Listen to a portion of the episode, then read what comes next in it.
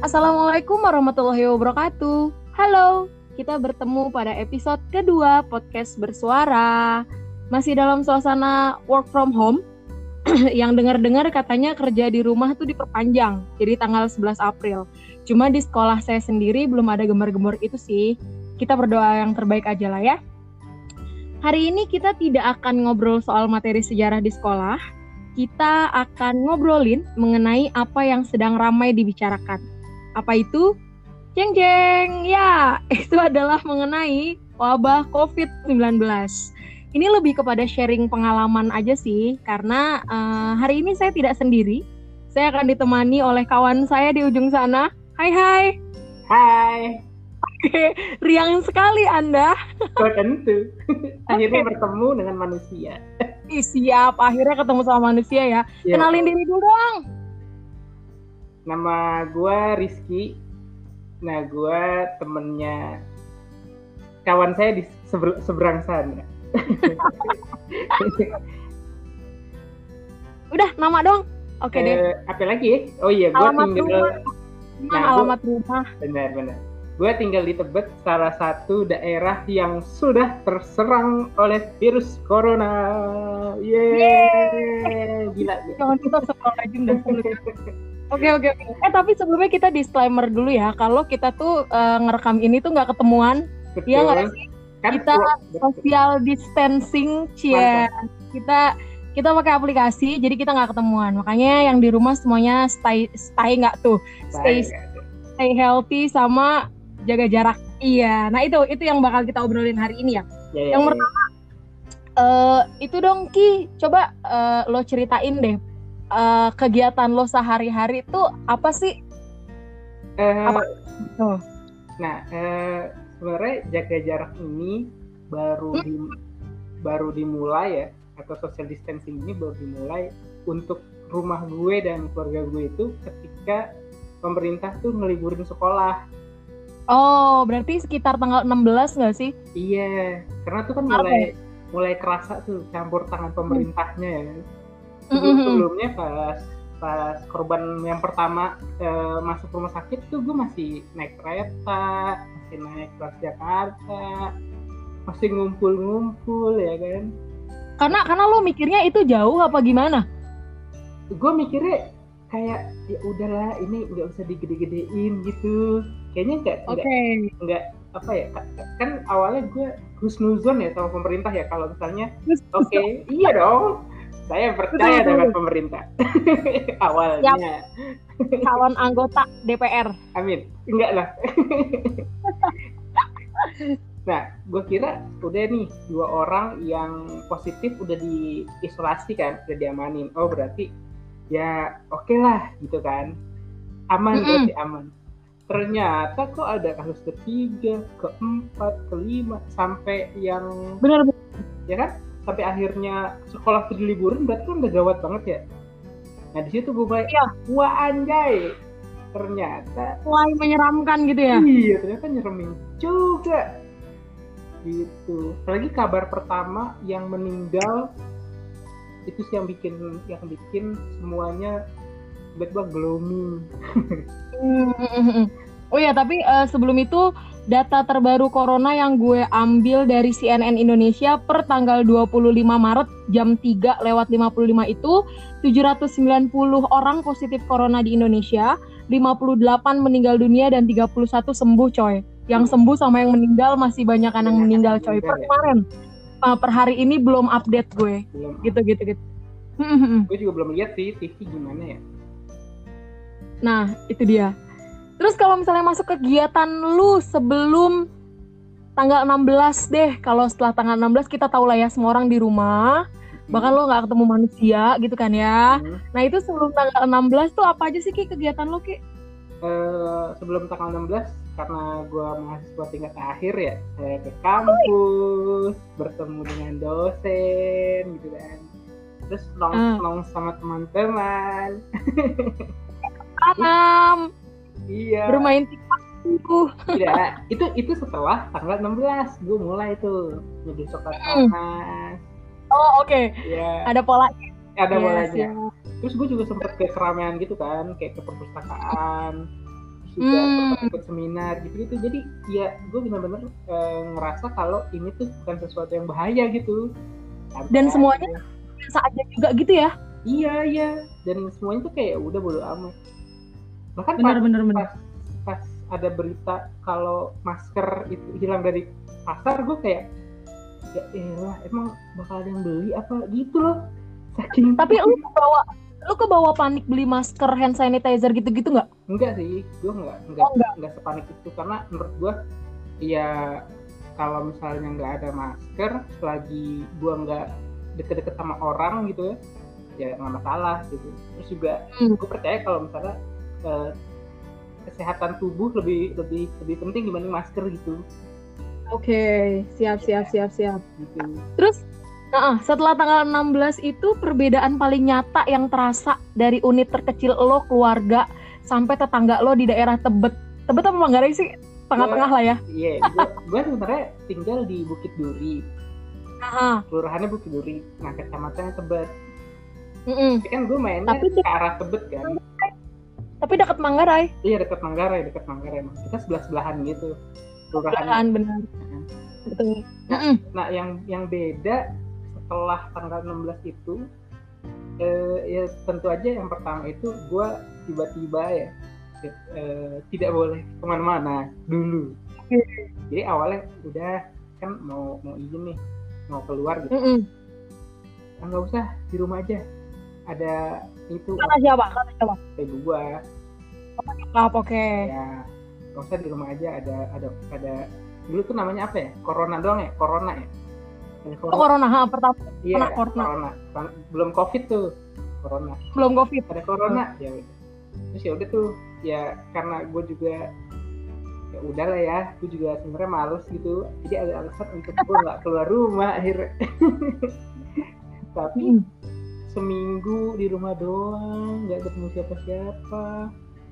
Mama mulai mati gaya. Iya nggak mana orang nggak bisa ke rumah gue nggak bisa kunjung gitu kan. Uh, uh, lama-lama guys jadi pokoknya lo di rumah aja ya bener-bener stay di rumah gitu ya? Iya gue stay di rumah. Itu yang pertama. Uh, uh. gue nggak boleh keluar rumah. Yang kedua adalah sekarang gue kayak uh, ini tangan gue tuh kalau mau lo pegang gitu kalau bisa lo pegang itu tangan gue kayak keripik udang kering banget. Oh iya iya betul betul betul. Karena kita cuci tangan terus nggak sih? Iya nggak sih? Iya bener banget tangan gue gue juga kering banget bener. Banget bener. Kering banget. Terus gue akhirnya di saat saat itu gue baru tahu gitu cara cuci tangan yang benar dasar lo ya. Karena dulu gue kira oh iya wangi udah bersih berarti gitu kan. Ternyata banyak uga betul betul. Kalau bisa dihitung berapa kali sehari lo cuci tangan coy? Eh bangun tidur cuci tangan kan. Terus gue mau mau buka pintu nih pagi-pagi cuci tangan habis buka pintu cuci tangan. Mau okay. makan cuci tangan. Terus habis makan okay. cuci tangan tuh udah berlima ya. Terus gue mau ke yeah. kamar harus cuci tangan dulu ya kan? Oke. Okay. main HP main HP abis main HP cuci tangan. Terus kalau ada tamu atau buang sampah gitu kan gue cuci tangan. Sering banget lah cuci tangan mm -mm. tangan gue masih bau. Hmm, masih bau bunga-bunga entah apa eh seh bunga-bunga. Bener bener bener. Terus ini gak sih apa namanya tuh uh, ramenya baru ada hashtag di rumah aja gitu kan karena kebetulan di Instagram yang gue follow hanya akunnya Najwa Sihab dan Narasi TV gue ngelihatnya mereka berdua adalah uh, akun media sosial pertama yang kemudian bikin hashtag di rumah aja, iya nggak? Sampai kemudian kita sadar kalau di rumah aja tuh penting gitu nggak sih? Uh, gue kalau untuk hashtag di rumah aja terus itu gue nggak begitu ini sama Instagram ya karena oh, oke okay. gue dan keluarga gue lebih lebih apa ya lebih terpapar oleh TV Mm-hmm. Oke oke oke. Di rumah okay. doang, nggak punya kerjaan mm-hmm. ya nonton TV dong, nonton TV atau ditonton mm-hmm. TV gitu kan.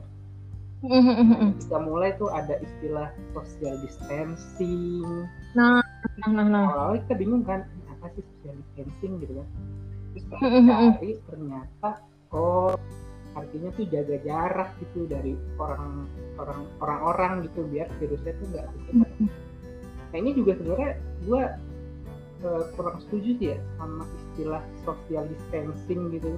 Wah menarik nih menarik nih. Kenapa kenapa? Karena lo nggak kuat kalau nggak ngeguyup sejam gitu nggak kuat ya? Bukan sih lebih ke karena okay. bahasa Inggris terus nggak nggak nggak nggak populer di kalangan ibu okay. ibu di kalangan orang tua gitu kan nah ketika oh, ada okay. nah ketika ada hashtag di rumah aja terus setuju Pejo kalau nggak salah yang bilang kalau social itu aku nggak ngerti aku lebih ngerti jaga jarak itu baru tuh ngeresep di gua di keluarga gua gitu kalau oh ternyata dengan hal ini eh, dengan jaga jarak atau di rumah aja itu membantu loh kayak gitu-gitu. Oke, okay.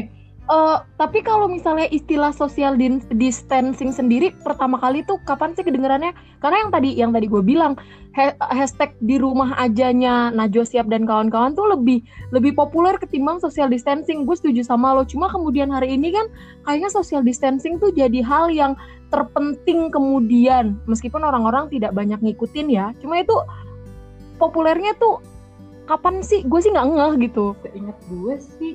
Uh sekitar seminggu atau dua minggu pas korban pertama tuh. Oh oke. Okay. Nah, minggu dua minggu itu kan kalau nggak salah ya masker masker tuh mulai mm. hilang kan di peredaran. Mm -hmm. uh, pemerintah uh, di TV itu bilang kita nggak butuh orang sehat nggak butuh masker yang yang butuh tuh orang sakit. Oh, oh iya betul betul betul betul. Nah pas tanggal 16 mau deketin tanggal 16 tanggal 10 sampai sampai tanggal 6 tuh semingguan itu semuanya tuh muncul social distancing social distancing. Nah, mm-hmm. se sepeng sepenglihatan gue di TV uh, eh, TV tuh nggak nggak menjelaskan secara utuh gitu apa sih social distancing. Mm, oke oke oke. Makanya gua salah satunya ketika mm-hmm. ketika sebelum tanggal 16 ya gue masih keluar aja gitu kan. Santai aja naik aja naik kereta Oke, karena di TV gue gitu ya. Nah kalau lo lihat di masyarakat lo sendiri, social distancing itu berlaku nggak? Tetangga lu gitu? Uh, gue melihat ya, kan kemarin uh, dua hari yang lalu atau tiga hari yang lalu, mm -hmm. itu kan di rumah gue ada fogging kan. Oke. Okay. Nah biasanya tuh uh, kalau keluar gitu ya ya kita kumpul gitu mm. terus nggak nggak ada yang pakai masker mm. ya sekedar kain aja tapi kemarin mm ya, mereka tuh mulai jaga jarak terus pada pakai masker mm uh, tiba-tiba perumahan gue nih yang tadinya rumahan lingkungan gue nih yang tadinya banyak mm. bocah-bocah uh, main umpet gitu lari-larian nih sekarang nggak uh. ada mungkin gue rasa perumahan uh, perumahan gue nih ngerasa gitu oh, oh, oh. oh mungkin atau jaga jarak ini. Hmm, tapi mungkin karena lu komplek ya Ki ya. Kalau gue bisa cerita nih sama. Baru kemarin juga gue baru ada fogging di RT gue dan lu tahu gak sih yang lagi ngefogging itu dikejar-kejar sama anak kecil. Jadi kayak yang lagi ngefogging tuh fogging. Di belakang anak kecil pada ngikutin dia lari ke RT mana abis ini gitu loh Ki. Oh.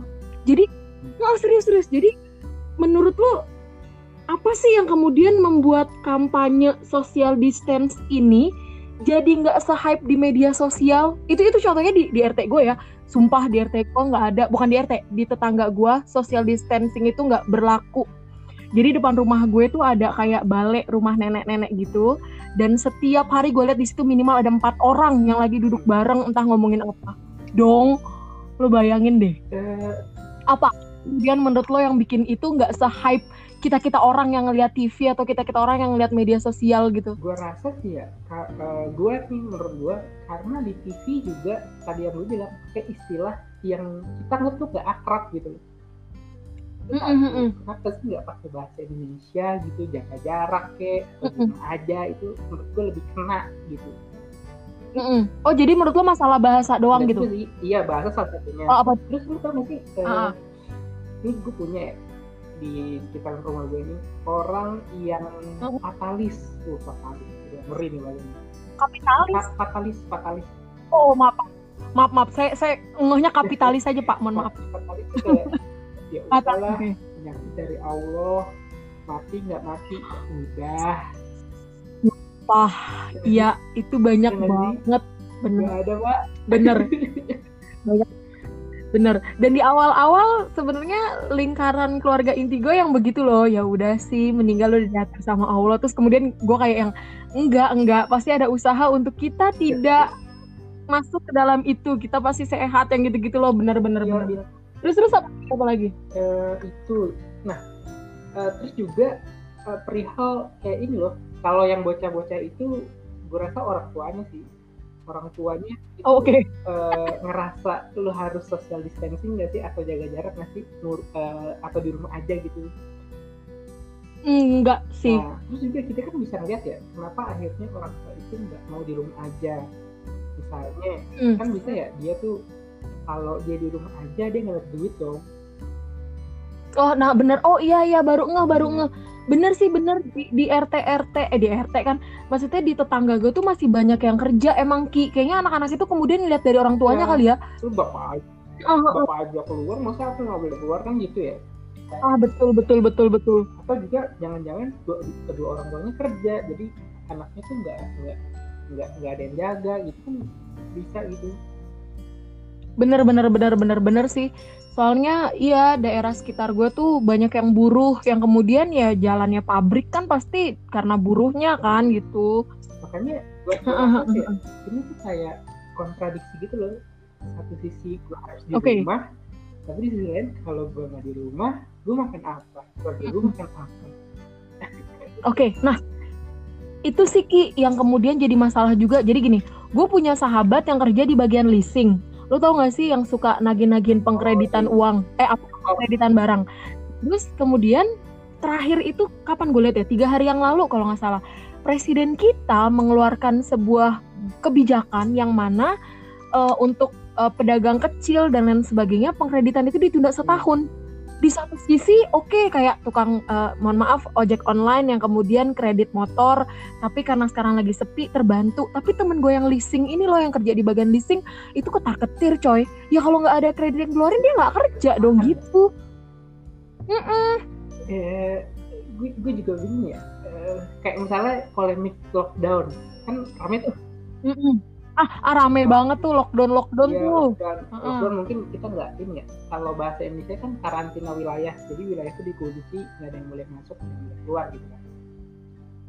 enggak kalau misalnya orang eh, enggak kalau gue pakai kata orang awam tuh memisahkan banget ya.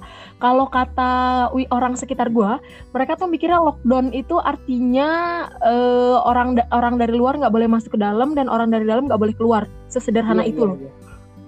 Ah, Kalau di undang-undang kan namanya karantina wilayah.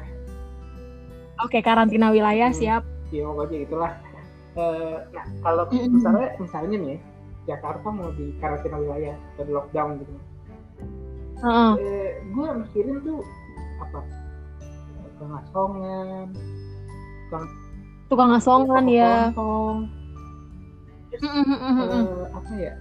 eh, pedagang-pedagang makanan jadi Mm, mm, mm, kan mm. otomatis kalau di lockdown itu kalau gua ngeliat di berbagai negara ya lu tuh nggak boleh keluar kalau emang nggak nggak keadaan yang nggak mendesak nggak mendesak kan terus ada jam malam kan gitu Oh gitu ya? Gue nggak ngikutin Iya. sih. kalau lu keluar lebih dari jam 9 misalnya lu bisa ditangkap terus didenda atau dipenjara gitu Oh saking seriusnya lockdown itu ya di beberapa negara ya.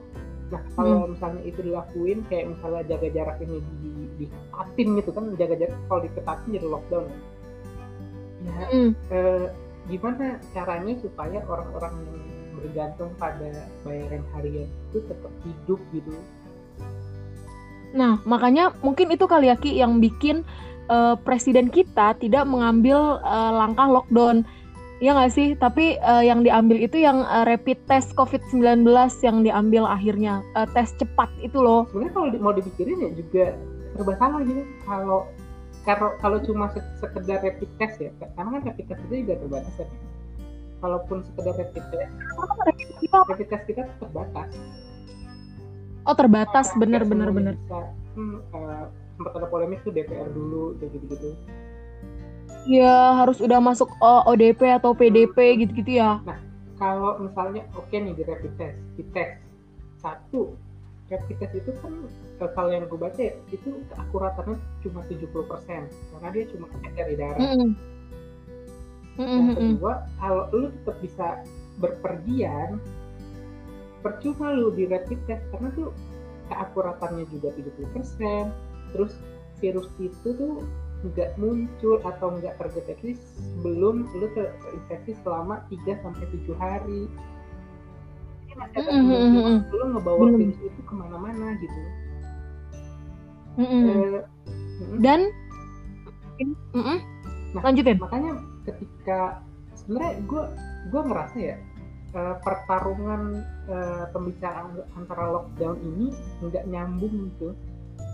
Yang pro Sama. yang pro ini antara pro dan kontra yang pro dia ngelihat okay, okay. kalau uh, lockdown ini uh, ke segi bagaimana supaya penyakit ini enggak enggak enggak tersebar lebih luas enggak mewabah enggak meluas enggak ya. sedangkan yang kontra dia argumentasinya ekonomi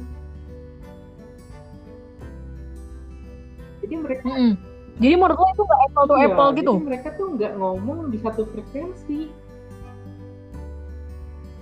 Tapi kan berkaitan ki kemudian. Iya, berkaitan. Cuma nggak nggak satu frekuensi gitu. Nggak ada titik temunya antara yang pro dan yang kontra. Karena pakai sudut pandangnya yang beda ya. gitu ya? Karena kalau kita okay. mau pikir pragmatis ya ya emang harus ada yang dikorbanin. Lo mau lo mau perut lo isi tapi penyakit ini meluas atau lo mau kelaparan tapi penyakit ini bisa dikendalikan dari mana kan kayak gitu kan buah malah oke okay. oke okay bener-bener bos malah kamu kayak lagu dangdut. Tapi kalau misalnya gue nih nanya sama lo, Cia, sebagai mahasiswa tingkat hmm. akhir yang begitu intens memerhatikan negara, iya. Gak lebay ya, lockdown sama rapid test, menurut lo prefer mana? Kalau disuruh milih ya, jangan keduanya. Uh, eh, gue dengan keadaan gue yang kayak gitu ya, gue lebih setuju lockdown hmm. dulu Loh tadi lo bilang kasihan warga kecil dan lain-lain. Karena gini kalau pilihannya cuma dua, rapid test atau lockdown, logikanya sebelum rapid test harus di lockdown dulu. Eh, betul, ya, cakep. Betul betul betul betul. Lo, lo uang banyak banyak nih buat beli alatnya. Kalau orang-orangnya masih bisa ke mana-mana, masih, masih nakal. Terus juga kan tadi yang kayak gue bilang, virus ini tuh nggak kelihatan sebelum lu terinfeksi selama 3 sampai 7 hari. Lu bisa aja nih bawa penyakit itu di hari pertama, hari kedua, pas di tes negatif. Cerita lu pergilah ke puncak gitu kan. Nah, ternyata, ternyata di puncak di lu bawa virus itu dan menyebarkannya gitu. Kan sama aja. Jadi buang-buang uang untuk beli alat tes itu. Jadi lo yang setuju Kalau lockdown ya? Hanya lockdown atau rapid test. Hanya di gue setuju lockdown dulu, baru di rapid test. Oke, okay, karena di dalam lockdown itu ya udah semuanya yeah. gitu ya, maksudnya social dis dis dis distance nah, asuh. Terus udah ada yang ah, di rumah aja gitu-gitu lah ya. Oke, okay. kalau buat lo sendiri yang lo rasain selama berapa sih kita udah gue belum lupa hari loh coy. Dari tanggal 16 ke sini tuh udah berapa hari sih? 10 ya? Baru 10 hari? 10. Oke. Okay. Selama 10 hari ini uh, apa uh, virus ini bukan virus uh, wacana work from home tuh mem memper gini ah, maksudnya memperlambat bukan memperlambat menghambat sorry sorry sorry. Sebenarnya lebih menghambat lu atau malah bikin lo makin produktif sih sejujurnya? Sebenarnya. Nah, work of, work from home kan berarti lo di rumah aja tapi kan lo lagi semester akhir lo akhirnya nggak bisa ke perpustakaan nggak bisa ngobrol sama dosen gitu-gitu kan nah itu sebenarnya adalah buat lo pribadi itu malah menghambat atau bikin lo makin kreatif eh kreatif apa itu deh pokoknya hmm. nah kalau untuk Gimana? urusan gue akademis ya untuk masalah perkuliahan mm -hmm. jelas gue sangat terhambat tadi perpustakaan nggak ada ya ada mm -hmm. online-nya tapi kan nggak semua buku tersedia PDF-nya yang bisa lo pinjam betul betul betul gitu. betul Ya, betul kan? terus karena gue jurusan sejarah btw gue juga harus punya akses ke arsip nah itu tuh setelah gue coba cari di internet gitu agak sulit ya untuk akhirnya mengakses itu lewat internet Mm, yang mm, mm, kedua ini terkait dengan kebiasaan di kampus kita kali ya Iya. dosen itu sangat sulit untuk dihubungi lewat WhatsApp dan segala macam Oh, oke. alat-alat. Heeh. Tapi kan mereka kemudian lagi bikin bukan mereka maksudnya eh, mereka pun kita nih guru-guru lagi ditantang untuk bisa bikin pembelajaran online dan akhirnya banyak kan eh, di apa namanya perusahaan-perusahaan yang menawarkan eh, alat bukan alat apa sih namanya?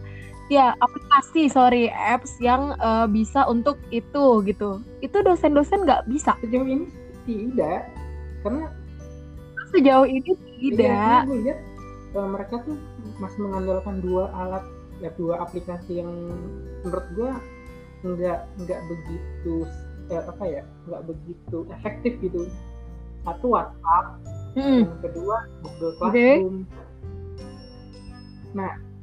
Google Classroom ya Oh, oke Mm-mm. upload gitu. nah dua dua aplikasi ini nggak bisa memenuhi kebutuhan gua sebagai mahasiswa tingkat akhir untuk konsultasi gitu loh Oke, oke, oke, oke. Nah ya. nah itu jadi kalau di WhatsApp itu kan kita punya prasangka-prasangka ya kayak Mm-mm. sebenarnya orang ini ngomong dengan santai dengan baik gitu tapi kalau Biasa aja tapi gitu ya. karena di akhir kalimatnya meng- menggunakan titik misalnya terus Mm-mm. kita tuh jadi berprasangka waduh jangan-jangan nih dosen marah waduh nih jangan Oh, oke. Bener, bener, bener, bener, bener, bener, bener. kita Iya, iya, iya. nggak enak gitu kalau pakai hahaha atau emoticon gitu WK, WK, WK gitu ya.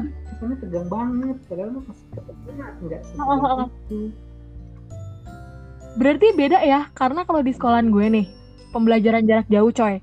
Gue ngasih tugas, terus dia konfirmasi via WA. Ibu sudah saya kirim ya, tolong cek WK, WK, WK. Gitu. Terus kayak yang, hah?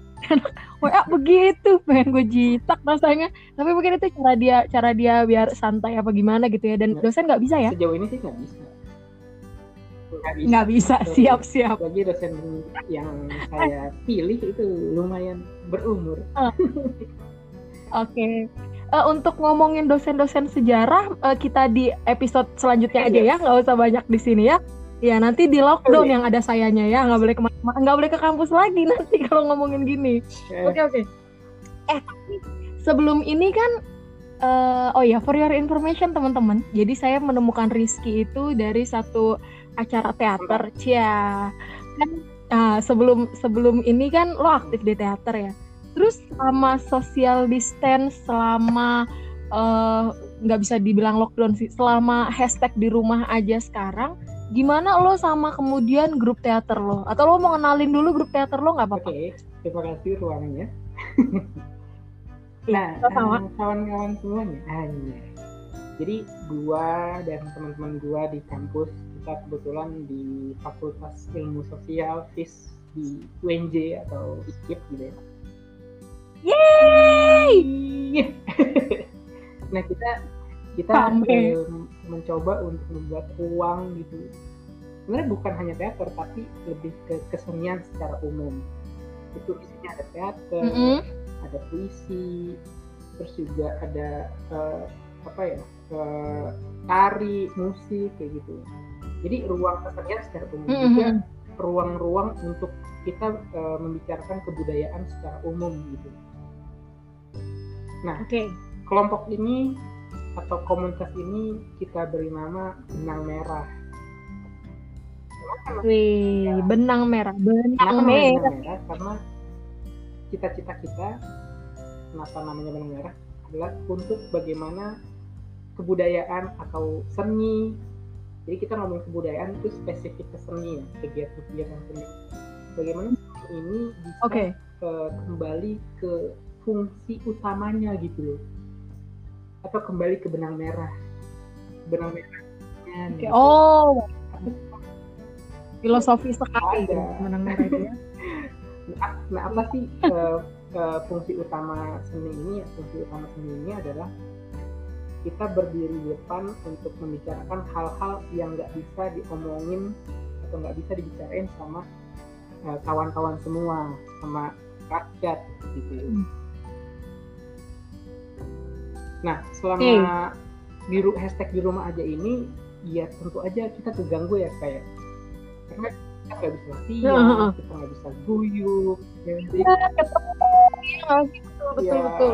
sehebat-hebatnya Zoom atau sehebat-hebatnya WhatsApp gitu ya, nggak ada yang bisa menggantikan guyup gitu, ketemu dan bergosip gitu. Bener bener. Itu asik banget sih, gue nggak bohong. Ngumpul gitu ya, bener-bener parah. Nah, itu nggak bisa di Zoom gitu. Itu yang hilang. Hmm. Terus juga pelatihan kita nggak bisa. Karena gimana ya latihan ya? Belum nemu aja. sih. Mungkin di masa Iya. depan orang latihan dengan di depan laptop ya, tapi saat ya, Hanya di masa depan. nggak bisa, belum bisa. Nah jadi kegiatan kita cuma Iya. eh, ngisi blog aja. Oh oke. Nama blognya Ada blognya. komunitas benang merah blogspot.com masih blogspot belum berbayar Siap bro. Nanti nanti kalau udah ganti, eh buru-buru ganti, cia kayak ganti gampang aja kan, langsung .com gitu maksudnya. aja supaya ada modalnya Siap. Siap siap siap siap. Jadi eh nggak Belum, latihan belum latihan ya? latihan. Latihan lagi. Bahkan terakhir yang gue dengar katanya eh, bakal dibantu sama satpol pp gitu loh. Jadi kalau misalnya ada kerumunan atau apa langsung yang dibubarin. Gue nggak tahu ini bercanda apa enggak, tapi itu nyebar kayak di grup WA-nya nyokap gue yang orang lagi hajatan, coy, Iya. itu dibubarin. Eh, iya itu Ah, iya emang instruksinya begitu bokap Oh, betul. Jadi lo jangan Ya, ngumpul dulu aja deh. tidak boleh Mm-mm. Tidak boleh, betul betul betul. Oke, eh udah Heeh. Kan Eh, enggak, enggak. Lanjutin aja. ada majelis taklim gitu kan. Eh, iya, lima hari di Tuh. dekat SD eh, nggak jauh sih sekitar satu kilometer lah dari rumah gua. Ke majelis taklim. Lima hari yang lalu kalau nggak salah. Pokoknya seminggu ini itu dia buka majelis taklim. Hah? rame banget. Sam- sampai menuhin jalan gitu hampir menutup jalan gitu kan. Itu dibubarin. Iya, iya. Di- oh, beneran dibubarin? Udah nggak memandang Oh, mau itu agama, mau itu kegiatan sosial, kan ibadah juga ya Heeh, nanti dulu gitu loh, jangan kumpul Oh. gitu aja gitu. oh, oh, oh. Dan gue rasa ini emang penting sih. betul betul. Karena kalau kalau soal ibadah ya, eh, aku juga maksudnya bukannya yang paham-paham banget, cuma kan ini dalam keadaan terten, dalam keadaan yang mewabah gitu ya. Mm, mm, mm. Tapi kak, lu eh, sebenarnya kalau lu sendiri ya melihatnya, eh, menurut lu kenapa Heeh. sih kita perlu di rumah aja gitu? Sebenarnya itu yang mau saya tanyakan kepada Bapak di list ini. Bapak tanya balik ya. kira sudah habis pertanyaannya. Masih ada dua lagi Bapak sebentar saya. Kenapa kita harus kan di rumah ya. aja? Coba kalau menurut gimana? Diskusi. Oke oke. Yang pertama, kenapa kita harus di rumah aja? Karena eh, seperti yang tadi dirimu bilang bahwa kita nih masing-masing orang kan nggak tahu ya bahwa virus atau enggak. Dan yang bahaya adalah kalau kita ketemu atau berpapasan sama orang yang ternyata Hmm. imunnya rendah, terus dia dapat virus dari kita, itu kan yang malah makin bahaya istilahnya gitu. Jadi itu sih yang bikin gue sampai sekarang betah banget di rumah aja dong, nggak ngapa-ngapain. Itu sih yang pertama. Yang kedua, saya takut sama satpol pp, jadi saya di rumah aja. nah gantian ya. Terus kalau bapak, apa yang membuat dirimu harus di rumah aja? Satu ibu lu galak. Satu ibu lo galak. ibu lo galak. dan selama selama Tante saya ketawa. semedi ini keluarga Mm-mm. itu jadi kayak cinta kebersihan banget terus juga mm, Oh, lebih ke arah-arah parno gitu tapi sama dong. Pagi ini nyokap gue nyuciin semua tas di Wow. rumah ini dong. Saking takut kayaknya mamah gue ya. Lanjut lanjut lanjut. Tapi ibu gua punya kelakuan yang lebih epic lagi.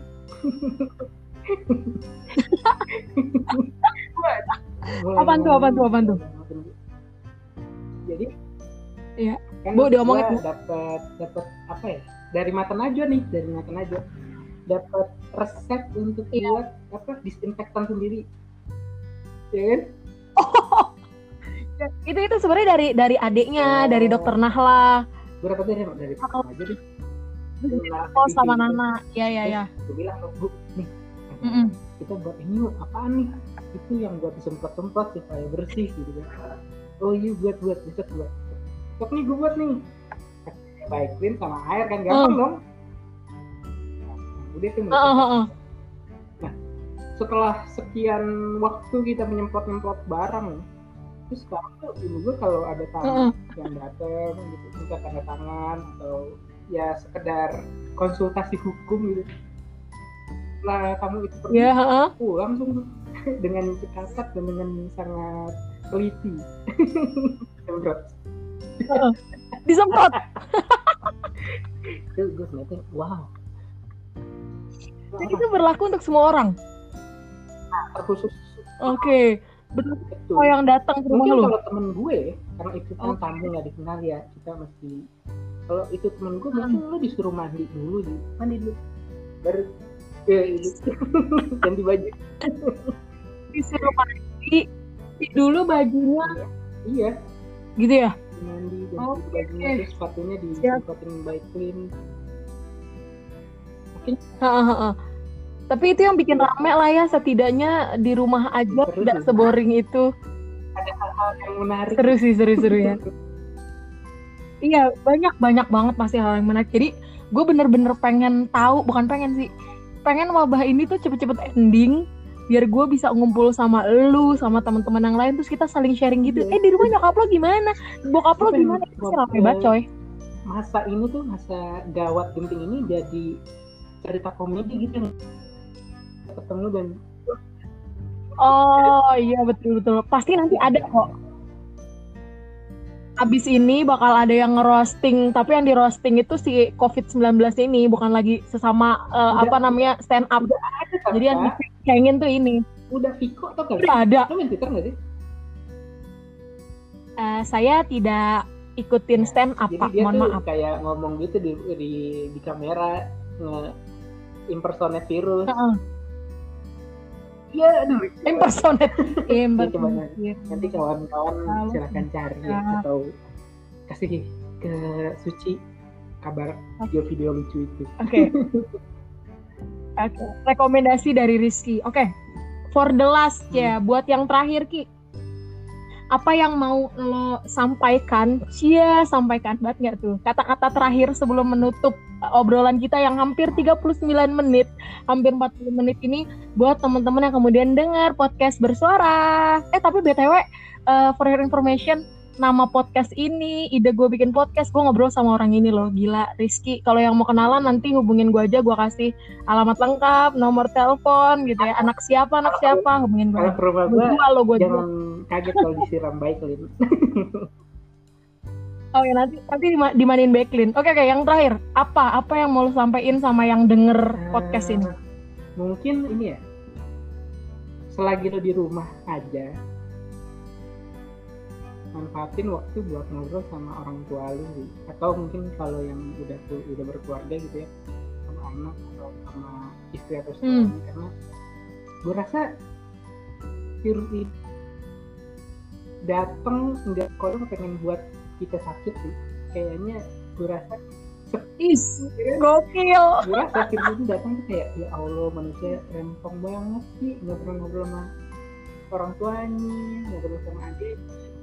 Gak pernah ngobrol sama bapak emaknya gitu ya. lah. Ah gitu.